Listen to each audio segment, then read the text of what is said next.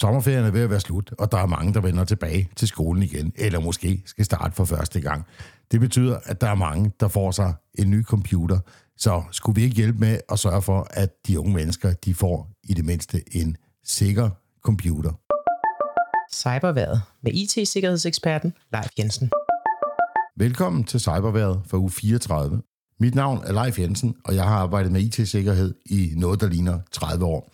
Jeg har opbygget en hel del viden og erfaring undervejs, og den vil jeg gerne dele med dig, så du undgår at havne i de kriminelles fælder.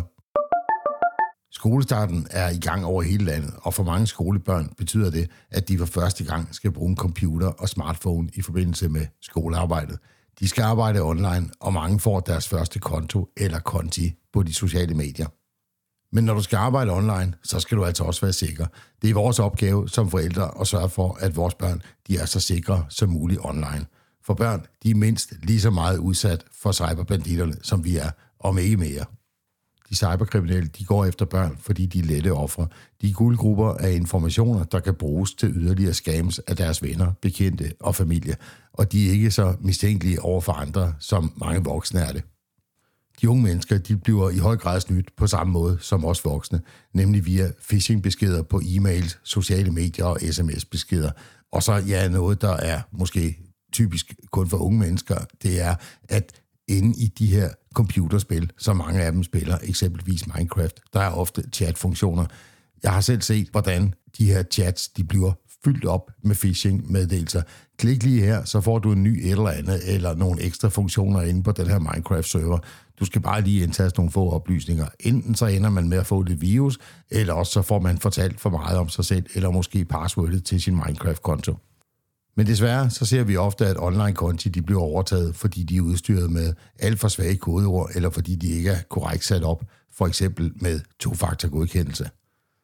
Derudover skal du være opmærksom på, at hvis barnets computer det er koblet på dit netværk derhjemme, for eksempel via wifi, jamen hvis der kommer noget ubehageligt malware eller virus ind på den her computer, så kan det faktisk sprede sig til de andre computer, der er på samme netværk. Så udover at vi selvfølgelig skal gøre vores bedste for at beskytte vores børn, ja, så er det også lidt for vores egen skyld, at vi skal sætte fokus på sikkerhed. Her der kommer syv gode råd til, hvordan du kan gøre dit barns online-liv så sikkert som muligt. Råd nummer et, og det er måske i virkeligheden det aller, aller vigtigste. Snak med dit barn. Det er vigtigt, at dit barn ved, at ikke alle vil dem det bedste, og at der er folk, der vil snyde og svindle dem, og at de ikke må tro på alt, hvad de ser eller læser på internettet og sociale medier. Del gerne historier med dem, når du hører om hackede computer og mistede identiteter og deres konsekvenser. Og tro mig, børnene de kan altså sagtens forstå det. Det er måske i virkeligheden dig, som har lidt svært ved at forholde dig til alt det tekniske, men så kan det jo være, at du lærer noget undervejs. Råd nummer to, det er nu være med at dele alting.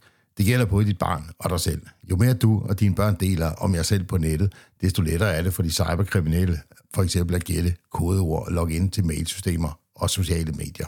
Skal du endelig oprette en konto, hvor der for eksempel bliver spurgt om øh, dit fødselsår og din fødselsmåned, så vurder lige, er det virkelig vigtigt, at den her leverandør ved, hvornår jeg er født? Personligt så opgiver jeg aldrig den rigtige øh, fødselsdato. Råd nummer tre. Forstå, hvad dit barn laver på internettet.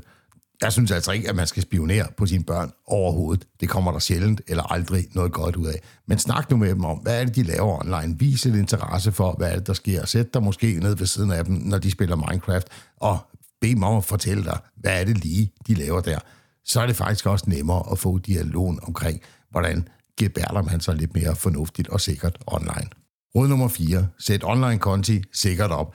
Det vil sige det her med at huske aldrig at genbruge password og sørge for at få lagt to-faktor-godkendelse på den konto, det nu handler om. Det har vi talt tidligere om her på Cyberværet, og du kan spole tilbage i de tidligere udsendelser for at lære lidt omkring, hvordan sætter man to-faktor-godkendelse op. Råd nummer 5. Del aldrig passwords. Uanset hvor fristende det kan være lige at give kodeordet til en kammerat, eller hvad ved jeg, så gør det aldrig nogensinde. Råd nummer 6. Sørg altid for, at din computer og din smartphone er opdateret. Der sker rigtig meget hele tiden, og producenterne af operativsystemer, de gør også rigtig meget for at holde hackerne ude. Så når der kommer opdateringer til øh, Windows, macOS, øh, iOS eller Android, så sørg for at få dem installeret med det samme. Råd nummer 7. Sørg nu for at have noget godt sikkerhedssoftware på din computer eller din smartphone. Det var alt, hvad jeg havde fra cyberværet i den her uge. Vi høres ved i næste uge.